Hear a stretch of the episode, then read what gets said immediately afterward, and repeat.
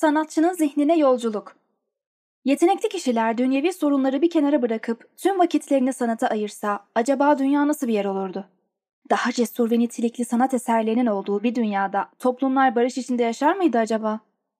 Maalesef yaşadığımız dünya az önce hayalini kurduğum dünyadan çok uzak. Aşamadığımız sorunlar bir noktadan sonra bizi bunaltıp tüketiyor ve ilhamımızı köreltmeye başlıyor. Yaratım sürecinde önümüze çıkan sorunları dışsal ve içsel olarak ikiye ayırabiliriz. Modern insanın asla bitmeyen işleri vardır. Projeler, sınavlar ve diğer öncelik verilmesi gereken işler dışsal sorunlara girer. Bunlar bizi ilgilenmek istediğimiz sanatsal faaliyetten ayrılmaya zorlar. Bizi sanatımıza konsantre olmaktan alıkoyan belki bir aile bireyi yahut yan apartmandaki inşaatın sesi olabilir. İngiliz yazar Virginia Woolf, bir kadının çocuklarla ilgilenme ve ev işi yapma sorumluluklarından kurtulup yazmaya zaman ayırmasının ne kadar zor olduğunun farkındaydı. O, yazı yazmak isteyen her kadının kendine ait bir odası olması gerektiğini savunmuştur. Kendine ait bir oda kitabında şöyle der. Para kazanın. Kendinize ait ayrı bir oda ve boş zaman oluşturun. Ve yazın. Erkekler ne der diye düşünmeden yazın. Çünkü sanat eserinin oluşturum süreci yetenek gerektirdiği kadar emek, konsantrasyon, sabır da ister. Bu koşulları sağlayabilmek ancak yalnız başına kalarak ve maddiyatı dert etmeyerek mümkündür. Peki ya tüm olayların bizim lehimize gerçekleştiği ideal bir ortamda bile neden sanat eseri üretmekte zorluk çekeriz? Ekonomik duruma el vermeyen bir kişi, bir gün yeterince param ve zamanım olacak. O zaman en güzel sanat eserlerini yapacağım. Tüm gün üretmekten başka bir şey yapmayacağım diye düşünüyor olabilir. Fakat o gün geldiğinde istediği eserleri sunamadığı için hayal kırıklığına uğraması mümkündür. Bazen tüm imkanlar uygun olsa bile yine de yaratım süreci tekliğe uğrar.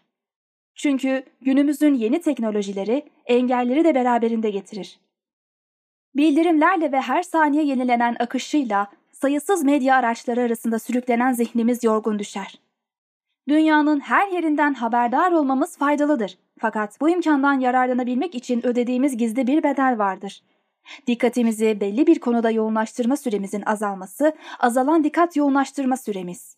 Rüzgarda savrulan bir yaprak gibi savruluruz. Dikkat ve bizi çeşitli fikirler arasında sürükler. Bir yazıya başlayıp bir diğerine geçebilir, başladığımız eseri bir türlü bitiremeyebiliriz.